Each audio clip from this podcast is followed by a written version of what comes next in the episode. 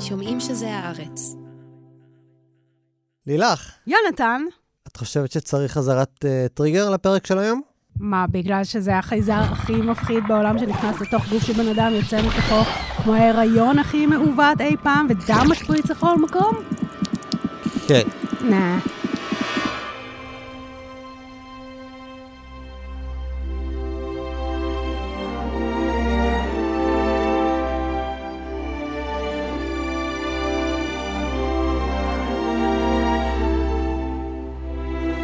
שלום לילך, שלום יונתן.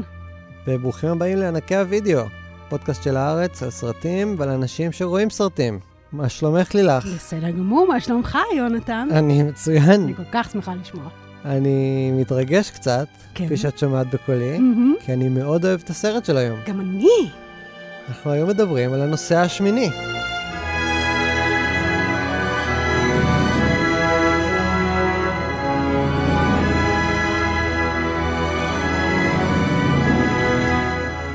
"1979", סרט של רידלי סקוט, אה, שאנחנו נדבר עליו באריכות, אני מאמין בפרק הזה.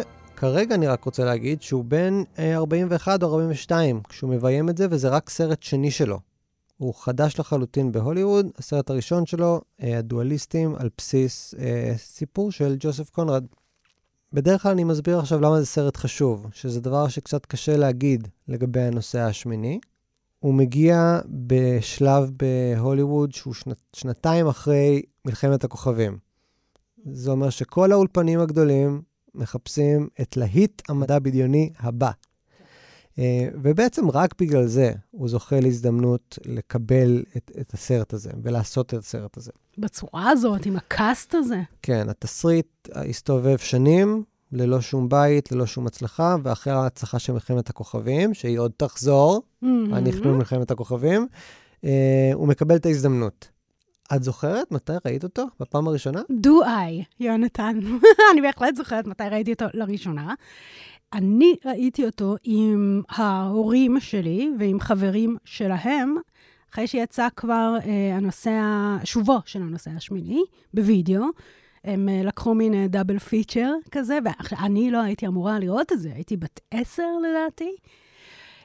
סוף האייטיז, עם, עם הורות של אה, סוף האייטיז, והתעקשתי ממש לראות, ואני אני, אני זוכרת, ישבתי על השטיח, אני זוכרת את הידיים שלי לחות על השטיח, פשוט מדי פעם מנגבת את הידיים מרוב חרדה, ולא מוציאה הגה, כי אני יודעת שאם אני אפחד בקול רם, אז, אז יגידו לי, כאילו, טוב, די, זה מוגזם. ממש נאבקתי על זכותי לראות את הדבר המבעית הזה, שאני חושבת ששרט אותי לתמיד. אתה? אני ראיתי את הסרטים, הרי יש כמה סרטים. כן. אני חושב שראיתי, אני לא יודע באיזה סדר ראיתי אותם, אני לא זוכר אה, אם ראיתי את כולם, אני לא זוכר מתי ראיתי את הראשון באופן ספציפי, אבל הסצנה, שאת יודעת לאיזה סצנה אני מתכוון, כן. היא נשארה איתי, ואותה אני זוכר, ואני זוכר את התחושת כאילו אימה ופליאה אה, וחרדה שהיא עוררה בי. כן. ודבר מעניין לגבי הסרט הזה, אגב, אמרת אה, שובו של הנושא השמיעי, נגיד שקוראים לסרט Alien. ולא נגיד הנושא השמיני, סיפורה של מונית שירות. שזה שם מבאס. דבר מעניין לגביו, שכל מי שאתה מדבר איתו בטווח גילאים שלנו, כשאתה מדבר איתו על Alien, הוא אומר, וואי, הסרט הזה שרט אותי. כן. והם כולם ראו הרבה סרטים, אבל משהו ספציפית. בסרט הזה נתקע עם אנשים לתמיד. למה אתה חושב? אני חושב שהמשימה שלנו היום תהיה לנסות להבין את זה. אני חושב שהוא ייחודי. כלומר, רוצחים יש הרבה. אה, וחלומות ברעה יש הרבה, ואקשן יש הרבה, אבל יצור, חייזר, כמו שיש בסרט הזה, אין אין. בשום מקום אחר. אין, אין. יש נכון, אחד כזה. נכון, נכון. אז בואי נדבר קצת על הסרט. בוא נדבר על הסרט.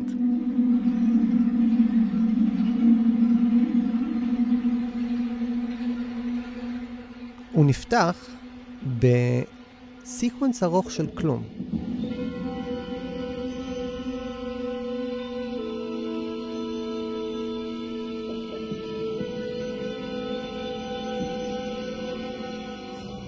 אנחנו רואים את החלל, אנחנו רואים את הכתוביות של הסרט עולות לאט-לאט, זה סרט שיש לו זמן, הוא לא ממהר לשום מקום, מהמם, נכון. ומוזיקה מוזרה, מבעיטה, שעולה על איזה קרשנדו, ואז אנחנו רואים חללית.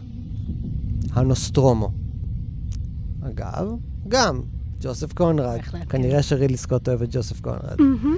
וכתוב ככה, צוות, שבעה, מכאן הנוסע השמיני. כן, זה ממש שם ספוילר, למה הם עשו את זה? היא מובילה 20 מיליון טון של עופרה מינרלית בדרך לכדור הארץ. כלומר, זה אה, חללית... אה, תובלה? הם- משהו אה, כזה. זה לא אה, חללית של אה, לוחמים, זה טכנאים ואנשי אה, עבודה. זה לא החללית הנוצצת, המדהימה של אה, סטארט-טרק או סטאר וורד, אין... אוקיי, אז כמובן, לקחת לי וגנבת לי סליחה, סליחה. סליחה, סליחה. אנחנו מתחילים עם סיור בנוסטרומו, וחייבים להשוות את זה להתחלה, שנתיים לפני, של מלחמת הכוכבים, אמ, שזה נפתח עם אני אוהבת את החיקוי הזה. קרב יריות וחללית לבנה מלאת אור, נוצצת. וקרב יריות מסעיר, Mhm. ודארת ויידר, Where is the princess? אתה נכנס ישר, המדיאס רס כזה, למין סיפור סופר מסעיר, והנוסטרומו נראה כמו חתיכת תחת, ממש. נראה כמו אה, קומה מינוס שבע באיזה מפעל, הכל מכונות וצינורות ודברים, והכל חשוך. אתה לא יודע מה קורה, אתה לא יודע מה זה המכונות האלה. והניגוד הזה הוא משהו שהוא כמובן מכוון. סקוט בא לעשות סרט שהוא שונה מהמדע הבדיוני שהיה פופולרי באותו זמן. כן, זה שום דבר elevated. זה למעשה נראה כמו אה, בסיס אה, צה"לי. כמו בסיס צה"לי, אבל לא מהטובים. לא, לא, ט- לא. לא טייס. לא, לא, באזור הנשקייה. אתה יכול להריח כאילו ייאוש ושמן נשקים. בדיוק. ואז אנחנו חותכים למקום הראשון שהוא מואר, ואנחנו רואים מין, אני אגיד אינקובטורים. זה ממש אינקובטורים, ממש. הצוות היה בתרדמת, כי כמו כפי שאנחנו מכירים מסרטי מדע כבר היום, אם אתה רוצה לעשות אה, נסיעות או טיסות חלל ארוכות, אתה חייב להרדים את הצוות, כי אחרת הוא כולו יזדקן וימות. הם קמים מתוך אינקובטורים כמו תינוקות, כן. אז הצוות החמ... המקסים שלנו, יש לנו את קפטן דאלאס, שהוא הקפטן, כפי חתיך. שמרמז שמו. חתיך? כן, לא? לא חשבתי על זה, לא יודע. נראה לי. אני סטרייט. אני סטרייט, לא חשבתי על זה. כך סטרייט. Uh, השני בפיקוד הוא קיין, השחקן ג'ון הרט, שהתפרסם בהמשך בתור איש הפיל. וגם אה, זה ש- מסיפורי עמים. כן, רגע, אבל איש הפיל זה גם יש לו מלא חרא על הראש, כפי נכון. שיהיה לו בהמשך בהחלט, בסרט. בהחלט. Uh, יש לנו את ריפלי, השלישית בפיקוד, סגוני וויבר. אש, אה, איאן הולם, שחקן בריטי ענק, אה, שלמרבה הצער כולם מכירים אותו עכשיו בתור בילבו בגינס מ- כן. משר הטבות, אבל הייתה לו קריירה עצומה וענקית, המון סרטי מדע בדיוני, והוא שקספירי. ממש.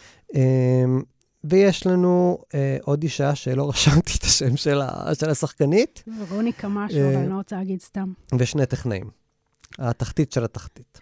אתה אומר תחתית של התחתית, אבל זה יפת קוטו, שהוא אחד מהם, שהוא יהיה השחקן האדיר ברצח מאדום לשחור. מה, זה השחור? מפקד- התחנה. סליחה על. המילה ש- זה הבוטה. השחור, יש המון המון אוקיי. שחורים ברצח מאדום לשחור. אז כן, הלבן הוא הארי דין סטנטון. נכון. שיהיה שחקן של דיוויד לינץ' בטווין פיקס ומקומות אחרים. זה ופ- cast מדהים לגמרי לא B movie. כן, עשינו מלא name dropping, אבל המ- המטרה היא להגיד פה, היה כסף. היה כסף לעשות את הסרט הזה, והיה כסף להביא את הצוות, למרות Mhm. שהם כמובן עוד לא היו השחקנים הגדולים שהם יהיו. הם לא, נכון. אבל הם שחקנים מעולים. מעולים, כולם. וסגוני וויבר היא היוצאת דופן, היא חדשה, אף אחד לא מכיר אותה, אף אחד לא יודע מי זאת. התפקיד המשמעותי הראשון שלה. בכל אופן, הם קמים, ומהר מאוד אנחנו מבינים את הדינמיקה שלהם. שזה קצת דינמיקה של משפחה. של אחים. זה נרמז בשני דברים, כלומר האינקובטורים והשם של החללית. mother, אימא. כן. את אומרת אחים, למה דווקא אחים? ולא, יש, יש שרשרת פיקוד. אה, גם אה, באחים יש שרשרת פיקוד, יונתן. אני בן יחיד, סוג של. אז, אז אני אספר לך שגם אה, הדינמיקה היא מאוד, באמת חשבתי על מאיפה זה מוכר לי, כי הרי זה לא מוכר לי, אבל מאיפה זה מוכר לי? מלהיות בצבא תקועה עם אנשים אקראיים, שאת מקיימת איתם ומנהלת איתם איזה מערכת יחסים. אה, שהיא קרובה, שהיא סגורה, שהיא מבודדת, שהיא אה, כל מיני דברים. והדבר הכי דומה לזה באמת זה משפחה, והם מתנהלים כמשפחה, ו- ומאוחר יותר אה, אנחנו נבין באיזה עוד אופנים הם משפחה. אז במערכת הזאת, האבא הוא הקפטן לצורך העניין, כן. הוא מקבל את ההחלטות, והאימא היא הספינה, שדואגת להם, כן. כן, נותנת להם חיים, היא אחראית על כל אה, מערכות ה... אני יודע איזה מערכות יש, אוורור. קיום, זאת אומרת, כן. היא, היא, היא באמת דואגת לחיים. אחרי שצופים בנושא השמיני, אז, אז זה כאילו ברור שזה סרט שהגיבורה שלו היא, היא ריפלי, היא סיגוני וויבר, אבל uh, בזמן שאתה צופה, אתה לא מבין את זה. אתה לא מבין את זה עד שלב נורא מאוחר, עד שאתה מפענח, אני חושבת, שהיא האחות הבכורה. אוקיי. אני זורם איתך, אבל... תודה רבה. אני לא אמרתי שאני מסכים, אני זורם בשלב זה. קשה, אה, תמיד קשה. כי באמת אין שום אינדיקציה שהיא הגיבורה. אין, אין, בשעה. כמעט שעה הראשונה. Where's Earth? You should know. It's not our system. אה, הם מהר מאוד מבינים שהם במקום הלא נכון. הם היו אמורים לחזור לכדור הארץ עם כל ההפרעה שהם אה, קרו. כן. אבל הם מבינים ש... איזשהו סימן, לא מצוקה, אבל איזשהו איתות שמחייב אותם לעצור, על פי הנהלים של החברה שבה הם עובדים, מחייבת אותם לעצור, הם עצרו, והם חייבים לבדוק מאיפה מגיע האיתות הזה, כל 12 שניות. מה שקרה זה ממש שאימא העירה אותם, לא בבית. יפה, כן, אהבתי. ובמערכת הזאת יש את אש, אה, שהוא קצין המדע, והוא דוחף אותם ללכת לבדוק. This is a commercial ship, not a rescue ship. Right. And it's not my contract to do this kind of duty. There is a clause in the contract which specifically states any systematized transmission indicating a possible intelligent origin must be investigated. I don't want to hear it. We don't know that's intelligent. I want to go home and party. Baku, will you just listen to the man?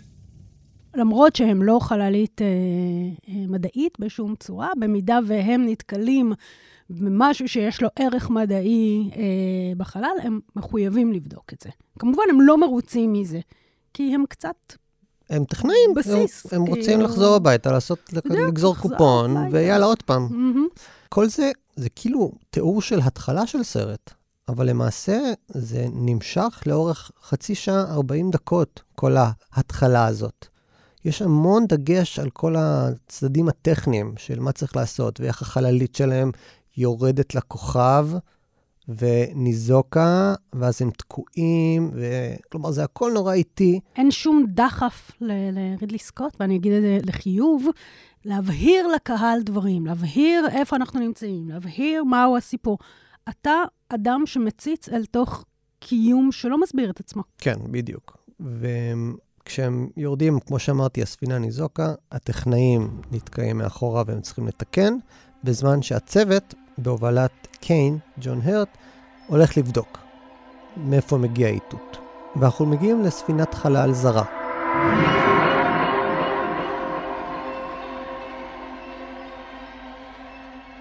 אנחנו מגלים ששם, משם מגיע האיתות, ואני רוצה פה לעצור רגע ולדבר על איך הסרט נראה. כן. אז אני חוזר לרידלי סקוט, שרידלי סקוט הוא במאי חדש אמנם, בקולנוע, אבל יש לו 10-15 שנה ניסיון בתור אה, במאי פרסומות בין היתר, במאי של ה-BBC בין היתר, והכי חשוב, ארט דירקטור. הוא אדם שמתעסק המון באיך הסרט נראה, איך התפאורה נראית, איך הביגוד נראה. בהתחלה הביאו לסיגורני וויבר איזשהו מין ביגוד, ביגוד של גיבורת אקשן, הוא אמר, לא, היא טכנאית. לא, טכנאים לא נראים ככה, תחליף. אז הכל נראה מצוין, והמשמעות של הסרט, בעיניי, הקריאה של הסרט, מחייבת אותנו להסתכל לא על התסריט, אלא על איך הדברים נראים. והחללית הזאת, שהם מגיעים אליה ונכנסים אליה, החללית הזרה, היא נראית ויזואלית, כמו החלק הפנימי של אדם. כן. יש לה המון אה, צלעות כאלה. יש לה המון כלי דם כאלה. זה כאילו הם נכנסים לתוך גוף זר. קרביים. כן, קרביים, יפה. גוף זר. ול... ושוב, אנחנו, אין לנו מושג מה זה, מה קורה. הדבר המשמעותי הראשון שאנחנו מוצאים בתוך החללית הזאת זה חייזר כלשהו, גופה. גופה של חייזר, שלפי התיאור שלהם התפוצצה מבפנים.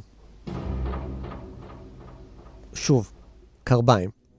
יש איזשהו שלב שריפלי שנשארה מאחור עם אש, כמין... עם קצין המדע. עם קצין המדע, כמין אה, צוות עזרה, רוצה לצאת לעזור להם, כי היא מבינה שמשהו לא בסדר, משהו פה לא כשורה. כן. ואש אומר, אה, תעזבי, אם יש משהו לא כשורה, הם יגלו את זה לבד.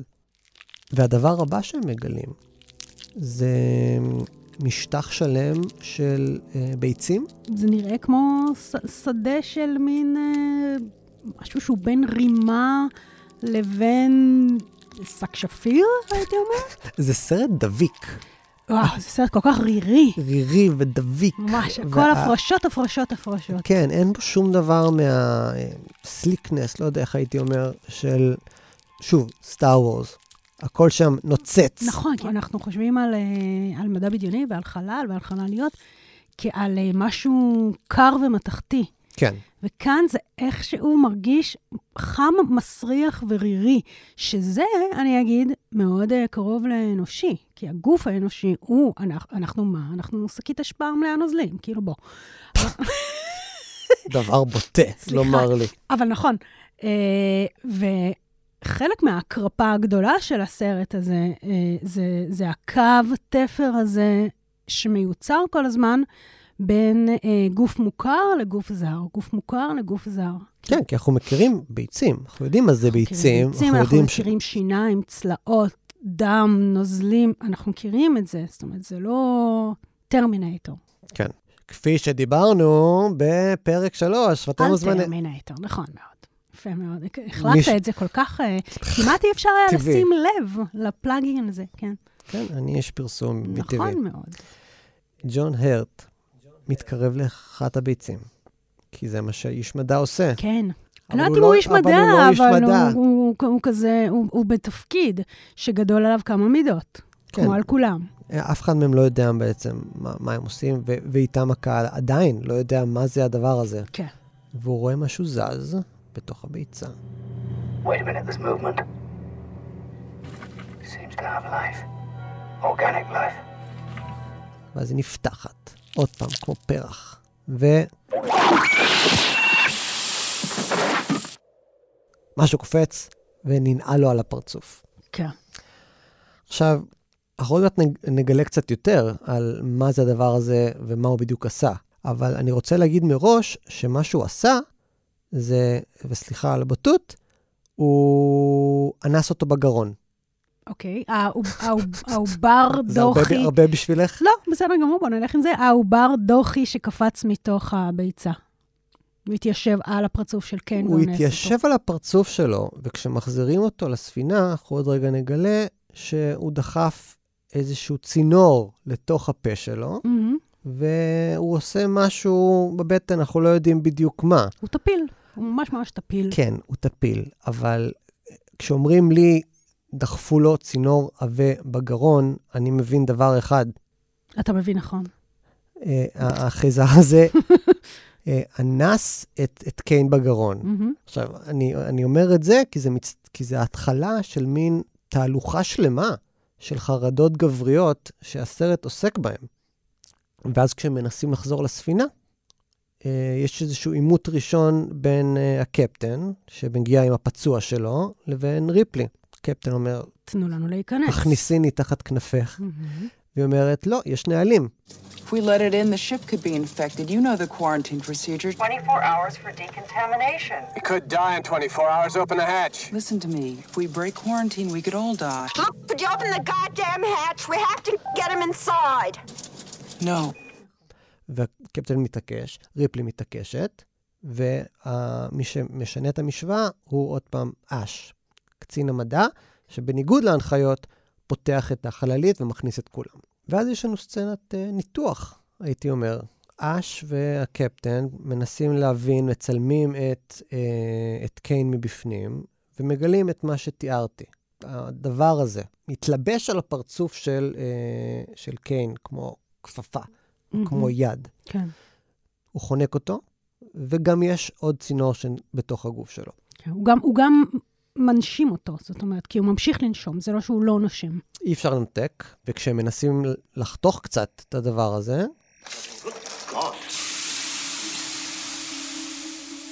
יוצאת חומצה שממש הורסת את הספינה ואוכלת אותה מבפנים. כן. עכשיו, אני לא הקשבתי לעצמי בדיעבד, אבל אני יודע שאנחנו מדברים, ואני בטוח שאנחנו אומרים כל הזמן ריר וחנק וחומציות. כלומר, זה הכל דברים שאפשר לפרש אותם גם כמכנים וגם כפיזיולוגיים, ביולוגיים. הם מאוד מאוד ביולוגיים. היצור הזה, הוא נראה עשוי ממין תערובת כזאת של אנושי לא אנושי. כל העסק מאוד ביולוגי. Okay, אוקיי, אז ריפלי הולכת ומסתמנת בתור הגיבורה שלנו. היא מתעמתת עם הקפטן. היא מתעמתת גם עם אש. והיא מתעמתת גם עם אש. אז התגובות שלהם שונות. קפטן אומר, The Company, The Company זו החברה, היא אף פעם לא מקבלת שם. החברה שמפעילה אותם. כן. הנהלים של החברה אומרים כך וכך, היינו חייבים לעצור, זה מה יש, תתמודדי. Mm-hmm. והתגובה של אש היא, אל תתערבי במה שלא קשור אלייך. אני קצין המדע, אני יודע להפעיל שיקול דעת, אל תתערבי. והיא אומרת לו, זה לא בדיוק נמצא במניואל, האין זאת. למה זה מצחיק? לא, לא, זה... את צודקת. אש, הסרט מסמן לנו את אש בעצם בתור גיס חמישי. הוא איזה wild card, לא ברור מהו. אנחנו רואים אותו כל הזמן קלוז-אפים על הפרצוף שלו. הוא סוג של יודע מה הולך לקרות תמיד, הוא תמיד מחכה לראות, הוא כמעט צופה בזה בהנאה, בכל מה שקורה. צופה בזה בהנאה, ויש פה משהו אה, נוירוטי, אה, שהופך אותו למאוד אה, אנושי. אוקיי, בחירת מילים מדויקת מאוד.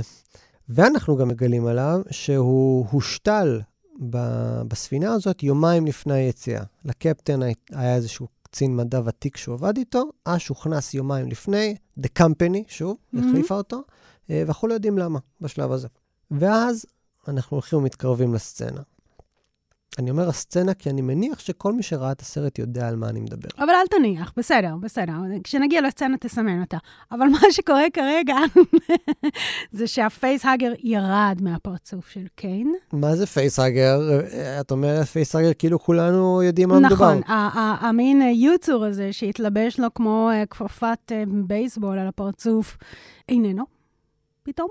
הם נכנסים לשם, יונתן, זה קטע מדהים, כי הבינו שהוא טפיל. אוקיי? הדם שלו הוא חומצה שהורסת את הספינה, והם מסתובבים בלי שום הגנה, מחפשים כאילו זה שרקן שברח מהכלוב. פשוט מסתובבים שם בחדר, מין כזה, איפה אתה, איפה אתה? אה, ואז הם כזה, טוב, מין מושכים בכתפיהם וממשיכים בחיים שלהם שם. אבל הם מוצאים אותו. הם מוצאים הם מוצאים אותו והוא מת. כן. כמובן, השומר צריך לשמר אותו לצורכי מדע, ואני חושב שהקפטן אומר, תשמיט את הדבר הזה, לא רוצה לראות את זה יותר אף פעם. ואז קיין מתעורר, כאילו משינה אה, שלגיה כזה. סלאמבר. כן, ישנתי. אה, והוא רעב. כן, הוא נורא נורא רעב, ויש איזו סצנה נורא יפה, ונורא אנושית, של איזו מין ארוחת ערב כזאת גדולה, שהם עושים לפני שהם חוזרים לישון בעצם, נכון, בחזרה. נכון, יש להם עוד הרבה חודשים עד כדור הארץ. בחזרה לכדור הארץ. אה, ויש מין ארוחת ערב פרועה ושמחה כזאת, עם הרבה מאוד הקלה. ואז...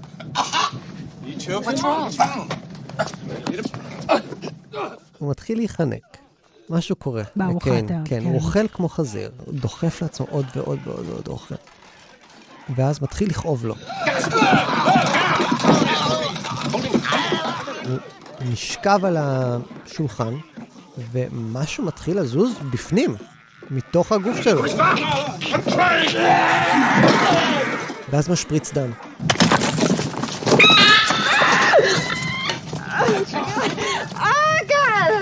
על הפנים של הצוות, על התקרה, על הקירות, והחזה שלו נפתח, ומתוך החזה יוצא יוצור, במילותיי. יוצור. זה היוצור בצ- בצורתו השונה, זה לא אותו דבר שכבר ראינו, זה לא הפייסהאגר הזה. לא. זה משהו אחר. קצת דומה לאפרוח, קצת דומה לכריש, קצת דומה לעובר? אוקיי. יוצא בורח. עכשיו, זו סצנת לידה. אני אספר ש... בבקשה. הנה, בואי, אני אשווה עכשיו בין... מדבר לדבר ואותו דבר. אני אספר שאשתי ילדה לפני שבוע. מזל טוב. תודה. אה, אני בטוח שהבן שלי, אילי, ישמח שאני משווה אותו לנושא השמיני, כשהוא יוכל להבין. וזו סצנת לידה לכל דבר ועניין. כלומר, כמובן שזה מוגזם, וזה, היצור יוצא מהחזה ולא מאיפה שהוא אמור לצאת לאישה, אבל יש פה סצנה של גבר יולד, ובגלל זה אמרתי חרדות גבריות. גברים לא יכולים ללדת.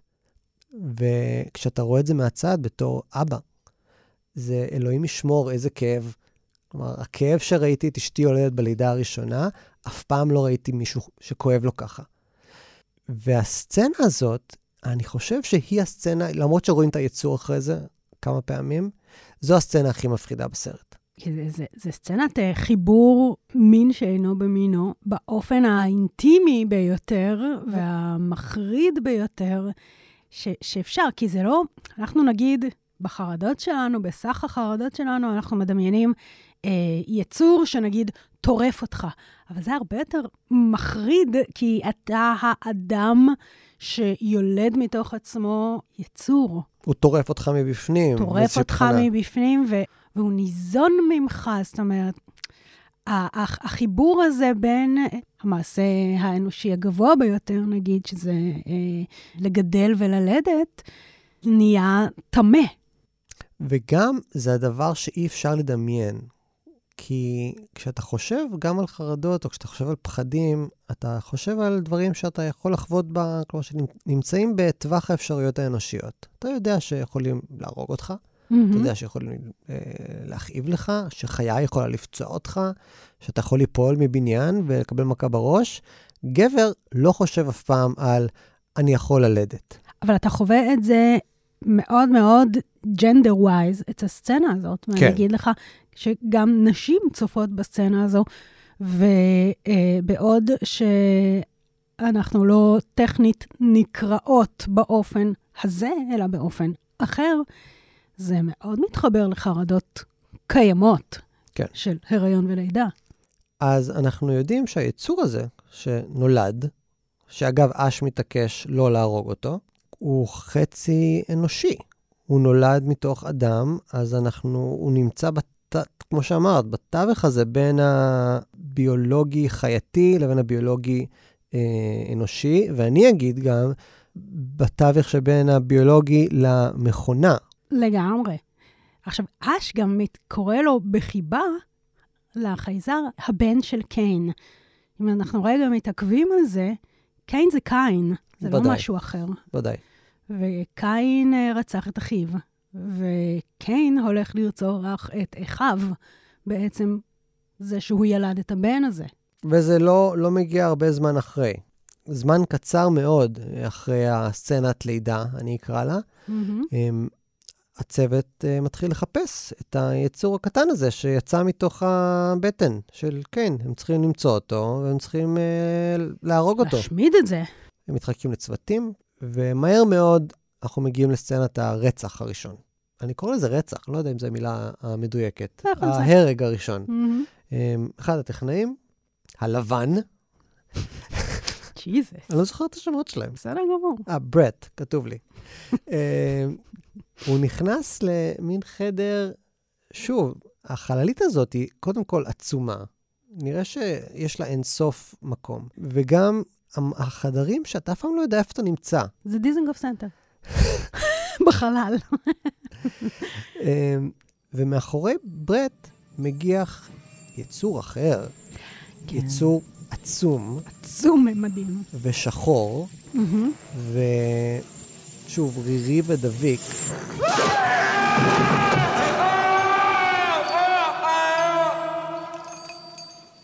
ובואו נדבר רגע על העיצוב של הדבר הזה. זה יצור שנראה כמו צעצוע מין עצום ממדים. עכשיו, המין חיבור, הק, הקווים של זה והצורה של זה, הכל סופר פאלי. ו-HR גייגר, שעיצב את היצוא הסופר איקוני שהולך ללוות אותנו בכל סרטי אליאן, הוא אומן אה, שוויצי? שוויצרי? על פי אה, כתיב הארץ התקני שוויצי, אני חושב שמותר לנו להגיד בפודקאסט שוויצרי. הוא שוויצרי. והוא באמת התמחה בעיצובים ביומכניים. עכשיו, מה שמבעית בחייזר הזה, זה שיש לו את המאפיינים האנושיים. כי אם אנחנו חושבים על משהו שהוא זר לנו, אז זה, זה זר ותוקפני, זה דוב, זאב, אני יודעת מה. זה הדבר הזה שהוא הוא גם אני והוא גם לא אני. יש לו שיניים, יש לו צלעות, יש לו עמוד שדרה. זאת אומרת, הקו תפר הזה, זה מה שהופך אותו למחריד לחלוטין, אה, והוא רירי ונוטף כמו בני אדם. אני רוצה להוסיף, אני מסכים עם מה שאמרת. הקו תפר הזה נכון, אבל אני פשוט חושב שהקו תפר הזה, יש לו מהצד השני עוד קו תפר, mm-hmm. שהוא נראה כמו הספינה. הוא, הספינה של החייזר. כשהוא מתחבא, הספינה, לא, גם הספינה שלהם. כשהוא mm-hmm. מתחבא בספינה, הוא חלק כמו הצינורות החלקלקים של הספינה. והידיים הארוכות, האצבעות הירוקות שלו נראות כמו צינורות שמשתלשלים מתוך הספינה. כלומר, יש פה משהו נכון שהוא בין החייתי לאנושי, אבל יש פה גם משהו שהוא בין האנושי למכני. אבל אם מסתכלים על עוד עבודות של H.R. גייגר, שהוא כאמור אה, מעצב, אה, שהשתמשו הרבה מאוד בדימויים שלו, גם בעטיפות תקליטים וכאלה, הכל כל הזמן, זה קצת כמו האירוטיקה של ילדות יפניות. שזה, שזה מין מנגאי, זאת אומרת, אז, אז, אז פה זה לא, זה, זה לא מנגאי, אבל זה, זה אירוטיקה כאילו ומתכת. אני יודעת מה. בקיצור, הדבר הזה, שהוא חייזר שבא לזיין אותך, יונתן, מה יש להגיד? הוא חייזר בוא, שבא לזיין אותך. אה, זה מאוד נכון, הביטוי הזה, כי כשהוא הורג את ברט ואחרים, הוא לא אה, קורע אותו, אותך עם הטלפיים שלו כמו אה, דוב, אלא יוצא מתוך הפה שלו מין צינור, אני אגיד עוד פעם, צינור. כן, כולנו שמענו את זה, כן, צינור, צינור. Uh, ובסוף הצינור יש uh, שיניים. עוד קצת שיניים, just for the laughs. וזה הדבר שהורג אותך. עכשיו, נורא. זה לא רק uh, מזיין אותך, זה צינור, אבל בקצה שלו יש לו כניסה. כלומר, זה קצת כמו סיפורים על, uh, בימי הביניים, ש... אה, אם מישהי רצתה להישאר בתולה, אז היה סיפורים ומעשיות על זה שיש לה שיניים בווגינה. כן, כן, וגינה דנטטה. זה גם וגינלי וזה גם פאלי, כן. אה, וזה מה שהורג אותך. כלומר, זה, זה, זה, זה לגמרי זה, שם. כן, זה חרדה לכל ג'נדר. כן. גלידה בכל הטעמים. בדיוק. בשלב הזה, הקפטן מבין שהוא בצרות. Mm, כן. והוא הולך, אה, כשאתה בצרות, אתה הולך לאימא. Mm-hmm. והוא הולך לאימא, שזה הספינה. והוא מנסה אה, לחשב מה לעשות. את סיכויי השרידה שלהם גם. כן, אבל לפני זה הוא שואל אותה, מה לעשות? Mm-hmm. מה, אימא, מה לעשות? התשובה שהוא מקבל זה unable to compute. ואז הוא שואל, מה סיכויי השרידה שלי? unable to compute. Mm-hmm. אימא מתנכרת. בואו נדבר רגע על זה, בתוך המבנה המשפחתי המעוות הזה, שנוצר וחייב להיווצר, כמו, ש, כמו, כמו שנוצר כשאתה רחוק מהבית ואתה מבודד עם אנשים, ואתה מפתח תלות מספיק שלמכונה הגדולה קוראים אימא, כדי שתפתח איתה איזה יחסים של uh, uh, קרבה ו- וצמא לחום, כי זה מה שאנחנו עושים בתור בני אנוש. כאילו, זה כמו שאנחנו מסתכלים על דברים ורואים בהם אה, פרצופים, זה לא שיש פרצופים בכל מקום, זה, זה, זה לא שכאילו החוץ מעוצב כמו עיניים, אף ופה, זה שאנחנו מחפשים את התבניות האלו, כי אנחנו צריכים אותם, כי אנחנו נאחזים בהם, כי אנחנו לא יכולים לחיות באמת בלי אימא או דמוי אימא שיגן עלינו, ייגע בנו, יחזיק אותנו, יזין אותנו. הוא פונה לאימא, ואימא בוגדת בו. אני לא יודע אם uh, הזיות האופיום שלך, יש להם uh, מקום פה. אתה ב... חושב שזה קשור? לא, אבל... למה אני שואלת אותך אם אתה חושב שזה קשור בכלל?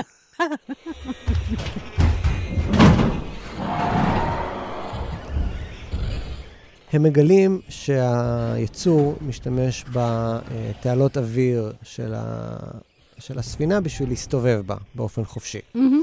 שוב, הגוף. כלומר, והאוויר. התעלות- כן, האוויר. זה, הוא מסתובב בריאות, אה, בנימים ובוורידים של הספינה בשביל אה, להסתובב בה. והקפטן עולה לשם בשביל אה, להרחיק אותה. הם חושבים שהיא תפחד מאש, כמו רוב החיות. מהמם. אה, והוא מוצא את מותו. לא הלך. לא.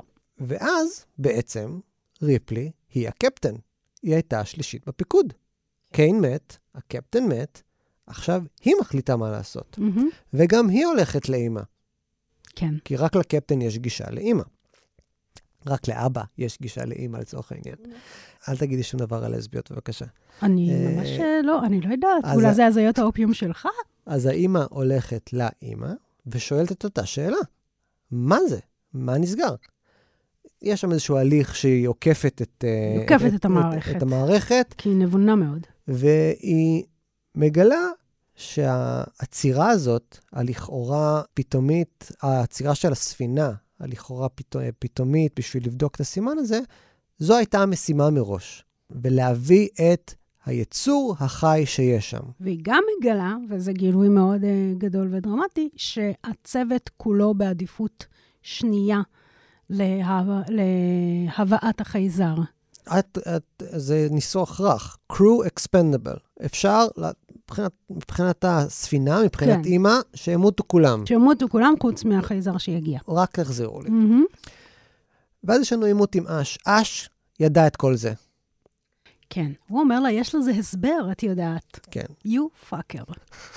ובעימות אה, אנחנו מיד מגלים שאש הוא לא בן אנוש.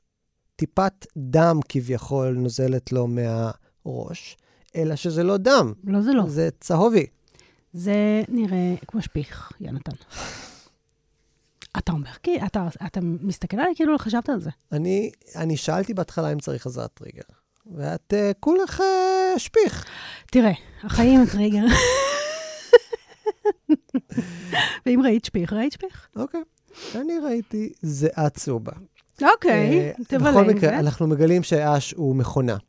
והוא כל ידע... כך מאוחר. אני רוצה להגיד, שעה 23 לתוך הסרט, אנחנו מגלים שאש הוא רובוט. ובאמת, אם רואים את הסרט בפעם הראשונה, לא יודעים. זה באמת, באמת נורא מפתיע. נורא מפתיע. והוא מנסה, אה, ברגע שהם נאבקים, הוא מנסה להרוג אותה. עכשיו, הסצנת, הניסיון להרוג אותה, אה, אל, ת- אל תעשי לי פרצוף. אני לא אני עושה אגיד פרצוף, את זה, אני הולך לא להגיד עושה את זה. פרצוף. רק- תג- בבקשה, תגיד את זה. היא, היא מאוד מדויקת והיא מאוד ברורה. אה, איכשהו הם מגיעים במאבק שלהם למין אה, מיטה קטנה, שיש מאחורי אש המון תמונות של נשים ערומות. כן. כי צוות, הרבה זמן הם ביחד, הם כאילו בחלל. זה נראה כמו תא כלא של כן, בן. זה תא כלא, בדיוק. והוא מגלגל איזשהו נייר עיתון, כן. ומנסה לדחוף את זה בפה של ריפלי, וכך להרוג אותה. כן. עכשיו, זה לא הפעם הראשונה, ולא הפעם השנייה, ולא הפעם השלישית שהדבר הזה קורה בסרט. זה לחלוטין סצנת אונס. זה, זה סצנת אונס בפה, מהמם. כמו שהיה לנו בהתחלה מהמם. עם קיין, כן. וכמו שיש לנו כל פעם שהחייזר הורג מישהו. בזמן שהוא מזיע, מזיע, מזיע את הנוזל שלא מזכיר לך שפיך בכלל.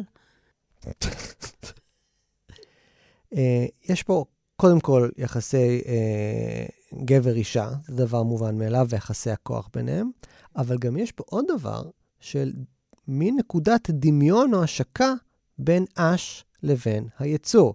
הוא לא מצליח, הצוות בא ומציל את, אה, את ריפלי, שאר הצוות שנשאר נשאר מי שנשאר. כן. אה, בא ומציל את ריפלי, והם הורגים את אש. יוצא ממנו מכל מיני חלקים של מכונה ונוזלי אה, חומצה כאלו. יש לו מין מה שנראה כמו אה, התקף אפילפטי. זה נראה כמו התקף. לי יש אפילפסיה, אז מותר לי להגיד את זה. לך מותר להגיד הכל? אמ, אבל שוב, זה נקודת השקה הפעם לא עם היצור, אלא עם קיין, בהתקף שלו, כן. שגם לא היה מין התקף כזה של אי שליטה על הגוף. אז גם אש, כמו, כמו היצור, נמצא על הגבול שבין האנושי לבין המכני. הוא נראה מבחוץ הרי אנושי לחלוטין, ובפנים הוא מכני. כן. אז הוא מתפרק לחלוטין, ואז הם משתמשים בחוטים, כמו שעושים בסרטים בשביל אה, להפעיל מכונית אה, ממש, גנובה. ממש ככה. הם משתמשים בחוטים כדי לחבר את מה שנשאר מ- מאש, שזה הראש שלו, ל- ל- לקרבורטור, משהו, משהו, משהו. משהו טכני. זה חלק שנראה מאוד לא טוב בסרט, כן. והראש שלו מדבר איתם. כן, אז הוא, אה, הם, הם כאילו מצליחים להצית את הדבר הזה, ו- ואש עם מה שנראה כמו חמישה גלון שפיך על הראש, אומר להם אה, שהוא מעריץ את האורגניזם הזה, הוא מעריץ את הטוהר שלו, את הפשטות שלו. הוא אומר, אתם לא מבינים עם מה אתם מתמודדים. השלמות המבנית שלו מתחרה רק עם העוינות שלו. הוא לא מוסך על ידי מוסר, או אשליות, או ערכים. מי כן מוסך, יונתן? אה, אני יודע, רגע, אני יודע את התשובה. בני אדם. בני האדם. בני האדם חלשים ומקולקלים בגלל שהם מוסכים על ידי ערכים ומוסר וכל הנונסנס האנושי הזה. ומכונות, לא. ולכן הוא, הוא, הוא בעצם אה, פורס להם את נבואת הזעם שלו. זאת אומרת, אה, כולכם הולכים למות. האחיזר כן. הולך לנצח. אש הוא מכונה, אבל הוא כלוא בגוף של בן אדם, וכנראה גם יש לו בתכנות כלשהו של בן אדם. אז הוא מעריץ את החייזר, כי זה מין אה, גרסה טובה יותר שלו עצמו. בטח. זה הדבר לשאוף להיות. כי הוא הרי הרובוט הנוירוטי ביותר. מה זה? זה הוא רובוט של דאגלס אדמס. כאילו, הוא, הוא כל הזמן בחרדה בסרט הזה, כשאתה חושב שהוא אדם. ואני רוצה לעשות פה פאוזה קטנטנה כן. בשביל עוד קריאה. כלומר, קריאה של, של הסרט שאני חושב שהיא פחות מעניינת, אבל היא נורא נורא בולטת בתסריט, נורא נורא בולטת בסרט, ואנחנו נעשה, אה, אנחנו נחטוא בפני מאזיננו אם לא נאמר אותה. נו כבר. אז יש פה שלוש בגידות. יש את הבגידה של האימא, המשפחה, מהמם. יש את הבגידה של המכונה, ש- שאש הוא ה- הייצוג שלה, ויש גם בגידה של החברה, the company, כן. שבעצם שלחה אותם למין משימת התאבדות שכזאת, אולי, ולא אכפת לה בכלל. בכלל. ומה שהחברה רוצה להחזיר אליה, זה יצור שאין לו אשליות של מוסר או של מצפון, שהוא תמיד מנצח, שהוא אכזרי, שהוא אה, אינסטרומנטלי מאוד, שזה...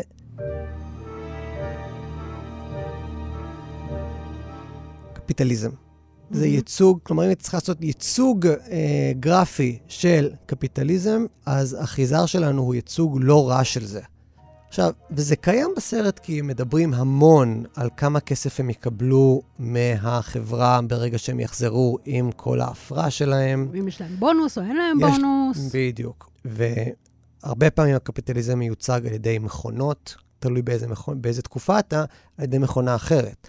הרכבת, האוטו, המחשב הפרטי, הטלפון הנייד, ולאף אחת מהמכונות האלה אין מוסר או אשליות של מוסר או שום דבר כזה. כמובן. אמרתי, ובואו נמשיך לדבר על הגוף והשפיך, כי זה הרבה יותר מעניין. הרבה יותר מעניין. אה, לא, זה מעניין, הפנטזיה הקפיטליסטית הזאת. כמו כן, לא ידעתי שאתה כה-מרקסיסט. טוב לגלות. נאו- ניאו-מרקסיסט. השלב הבא. הצוות שנשאר, בואי נגיד מי זה רגע. זו ריפלי, זאת אישה מספר 2, שאני מצטער שאני לא זוכר את שמה, ורוניקה למברט, נדמה לי. והטכנאי השחור. הם מבינים שהסיכוי היחיד שלהם לנצח זה לפוצץ את הספינה. כלומר, להפעיל את מנגנון ההשמדה העצמית שלה, ולעלות על escape pod, דבר שקיים בכל סרטי המדע בדיוני אי פעם. חבל שאין לה חיים. הם, הם עושים את זה, והם מתחילים לאסוף, הם, הם תמיד מתפצלים, שזה הדבר הכי מטופש לעשות. טעות חמורה. הם, הם מתפצלים, והטכנאי והאישה, ור- ורוניקה למברט, לא, מה אם זה לא נכון? וואי, את- זה כנראה לא נכון. הטכנאי והאישה הולכים אה, לאסוף אה, מוצרים שהם יצרכו בשביל המסע הארוך הביתה, אה, בלוני חמצן, מזון וזה, אה, וריפלי היא זאת שתפעיל את המנגנון השמדה העצמית. החייזר הורג את, ה, את השניים, את, את הטכנאי ואת האישה, כמובן, ריפלי היא ה-final girl, כמו שיש בכל סרטי האימה. אנחנו נצטרך לדבר על אם זה סרט אימה או לא. מהמם. אבל היא מתעכבת. למה? היא מתעכבת כי היא הולכת להציל את החתולה. כאילו, איזה סתומה. כמובן סתומה, אבל הרי מראש אתה צריך לשאול את עצמך, למה יש בתוך הדבר, המקום הזה, שהוא מנוכר ופונקציונלי, למה יש שם חתולה? וכל זה חתול, אגב. החתולים הם חתולה יונתן. זו ביולוגיה בסיסית. אוקיי. educate yourself. זה הדבר הלא אנושי שהופך אותם לאנושיים יותר, כי הם בחלל. זה כאילו, זה expendable, נכון? אתה לא... לדאוג לעוד משהו, לדאוג לעוד יצור, כאילו יש בזה משהו לחלוטין לא רציונלי, אבל לא במקרה, אני אגיד. וזה מה שהופך אותה לאנושית. זאת אומרת, ההתעקשות הזאת להציל את החתולה המסכנה הזה אה, מתוך הסיטואציה, זה קודם כל מה שמעיד על הרוך שלה, על האימהיות הפוטנציאלית שלה. והיא מסכנת את עצמה בעקבות הניסיון לתפוס את החתול, להכניס אותו לכלוב, כל הסיפור הזה.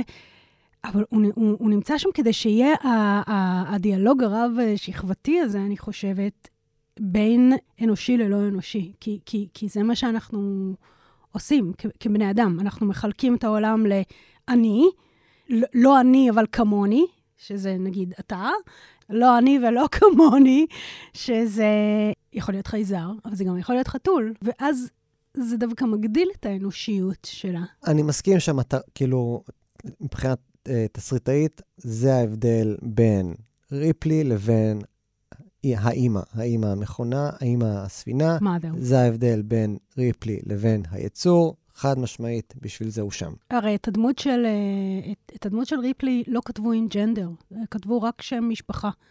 והרבה יותר מאוחר החליטו שריפלי, ריפלי רידלי, אגב, אה, שריפלי תהיה אישה. אם היה גבר נעצר עכשיו, מתעכב בשביל להציל אה, חתולה, הוא היה אה, או מוזר או גיי, באופן גס, כמובן. הוא, הוא היה האחר, הוא היה הרך יותר, או הוא היה החלש יותר. היא עושה את זה יפה. כאישה. אה, אני, אין לי מה להוסיף, כי יופי. זה היה... לא אה, חייבים. מנוסח היטב. תודה רבה. ומשכנע. אה, אז ריפלי מצליחה. כן.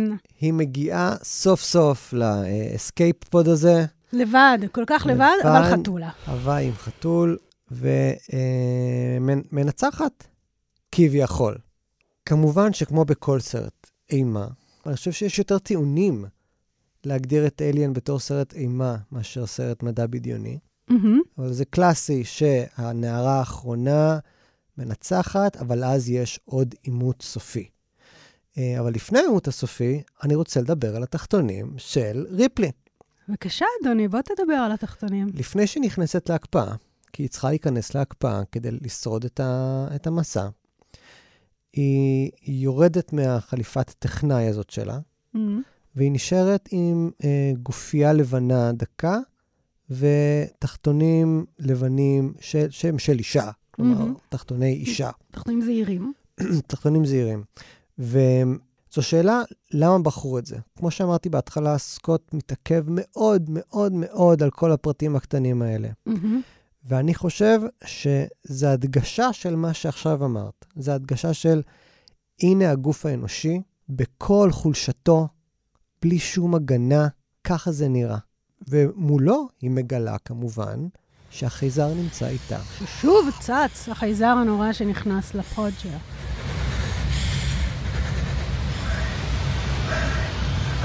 הוא כמעט בלתי נראה. בגלל זה, בגלל זה אמרתי, ואני אומר שוב, הוא נראה כמו הספינות. הוא נראה כמו חלק אורגני של הספינה. שנייה, אני רוצה גם לדבר על התחתונאז'. כן, בבקשה.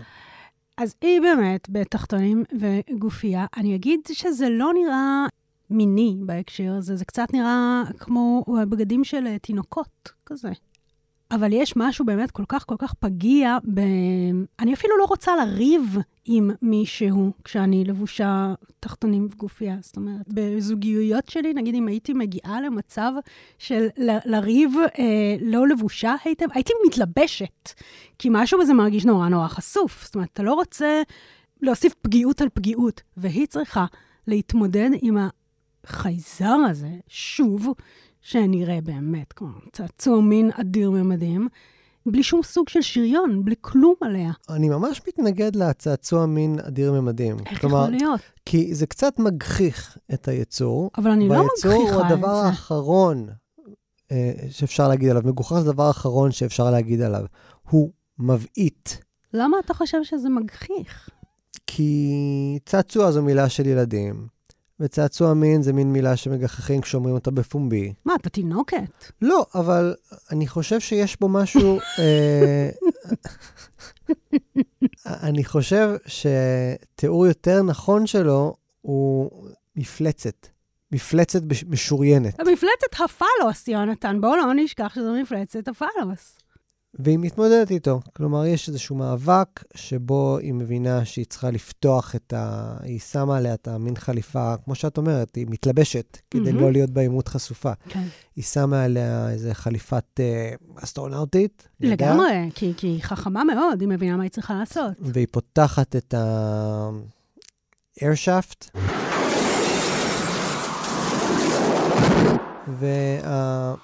והיצור נפלט החוצה, אבל עדיין לא מת. היא צריכה לראות בו גם איזשהו צלצל, כן. אה, ואז גם עדיין הוא לא מת, כי הוא נתפס בדלתות, ואז היא מפעילה את המנועים של pod, ואז כביכול הוא מת.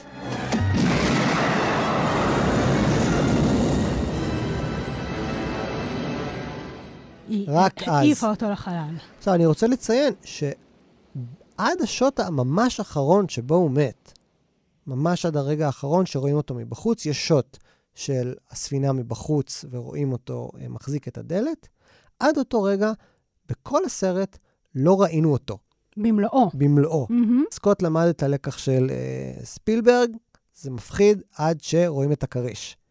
אז אנחנו לא רואים את היצור, אנחנו תמיד נראה את הפנים חלקים. שלו, את היד שלו, את הזנב שלו, את אה, חלק ממנו מתחבא, ו- וזה לגמרי עובד. והשוט הזה, זה השוט היחיד שבו זה נראה היום, 40 ומשהו שנים אחרי, זה נראה לא אמין וקצת מגוחך. והסוף, הסוף הוא קצת לקוני. לפני שהיא נכנסת ל escape pod שלה, היא מקליטה מין הודעה אחרונה. היא אומרת, זאת הספינה הנוסטרומו, אני השורדת היחידה, אה, ואני מתחילה את דרכי לכדור הארץ. אני, מבחינתי זה סימן שאלה הסוף הזה. אני לא יודע מה להגיד עליו.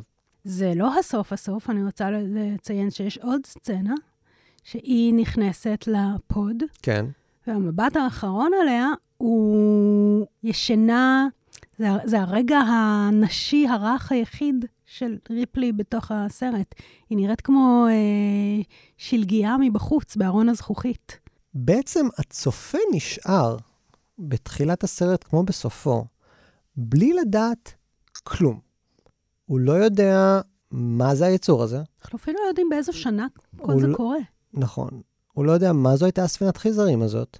הוא לא יודע למה החברה רוצה. מי להחז- החברה הזאת? מי החברה, מה השם שלה, למה היא רוצה את החייזר חזרה, אה, למה החייזר הורג אותם.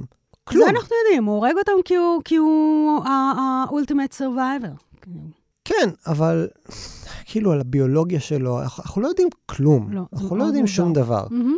אתה לא יודע בסוף יותר משידעת בהתחלה. אבל זה משאיר לנו כצופים כל כך הרבה מקום וטווח לקרוא את זה. הנה, פה, פה בשיחה בינינו, הצענו, הצענו אה, לפחות ש- שלוש קריאות שונות של הדבר הזה. כן.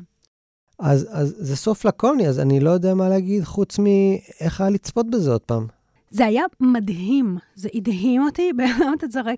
כי זה, זה, זה בסוף סרט של, הוא מאוד מאוד חי בראש שלי בתור אה, רפרנסים ודימויים. זאת אומרת, מספיק שאני לא אצליח אה, להרוג את הג'וק אה, פעמיים בבית, בשביל שאני אגיד, אה, יופי, זה הנושא השמיני, נראה שהוא חזר. את הולכת לקיצון מהר. אבל זה לא הקיצון, זה היומיומי שלי. כאילו, כל דבר שאתה לא מצליח ו- ו- וצץ לך פתאום, קרוב מדי לפרצוף, כן, זה הנושא השמיני. אה, אבל בעצם לא צפיתי בזה שנים, צפיתי בזה עכשיו, וחוץ מבאמת בחלקים הגלויים מדי, שרידלי סקוט לפעמים נופל כמו אלף טון משפיך על הפרצוף של אש, או אני מצטערת, אני הייתי צריכה להגיד זה שוב, או החייזר אה, ש- שנראה לו כל כך טוב אה, בחלל, זה נראה מדהים, זה היה יכול להיעשות עכשיו, זה סופר מתוחכם, זה סופר צונן, כאילו, יש בזה משהו מאופק וצונן, אה, ו- ו- ואז ההיס- רגעי היסטריה נורא בולטים על זה. זו הייתה חוויית צפייה מעולה מבחינתי. זה, זה לא יאמן שזה סרט כל כך ישן, שעובר כל כך חלק. אני כן רואה אותו כל כמה שנים, שוב, זה חס... אני, Just for the laughs. אני מאוד אוהב את הסרט הזה, mm-hmm. אני רואה מדי פעם. כן. אה, ראיתי אותו עם אשתי לאחרונה. מהמם. אה, זה תמיד עובד. עכשיו גם כמישהו שחווה אה, שתי לידות. וואו, אני פשוט לא מאמינה שחזרת על את זה. לא, אה, זה, זה משפיע, זה משפיע. זה מכווין את, את הצפייה שלך מאוד. והדגש שהפעם הרגשתי על גוף ופנים של גוף, ו, ומה שלא ראיתי אף פעם בתור אונס בהתחלה, אם כן, ראיתי את זה מהמם. עכשיו לגמרי בתור אונס, כן. אמ, זה מין אפשר לי קריאה נוספת. אבל בעיקר, בעיקר, וצר לי שאני אני רק יכול לשלוח את המאזינים שלנו ללכת לראות את הסרט, כי גדולתו היא באיך הוא נראה. הוא נראה כן. מדהים. נורא מדהים. אז זהו, בלי התחכמויות. בואי נעבור על הפרק הבא. בסדר. שבוע הבא אנחנו נדבר על סרט יותר קליל, מהמם. יותר נחמד, מהמם. יותר אהוב, אני חושב, לצערי, הנסיכה הקסומה. כבר- כבר שמת את הלצערך. יופי, בסדר. כן, נדבר על הנסיכה הקסומה, סרט עם נסיכות וקסם. תצפו בו.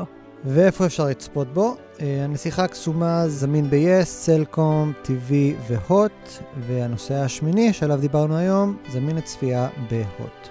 נגיד תודה לאסף פרידמן, לאמיר פקטור, לדן ברומר, העורך שלנו, וגם למאיה בן ניסן, שמקליטה אותנו בשעה זו ממש. ממש. יאללה ביי. ביי ביי ביי.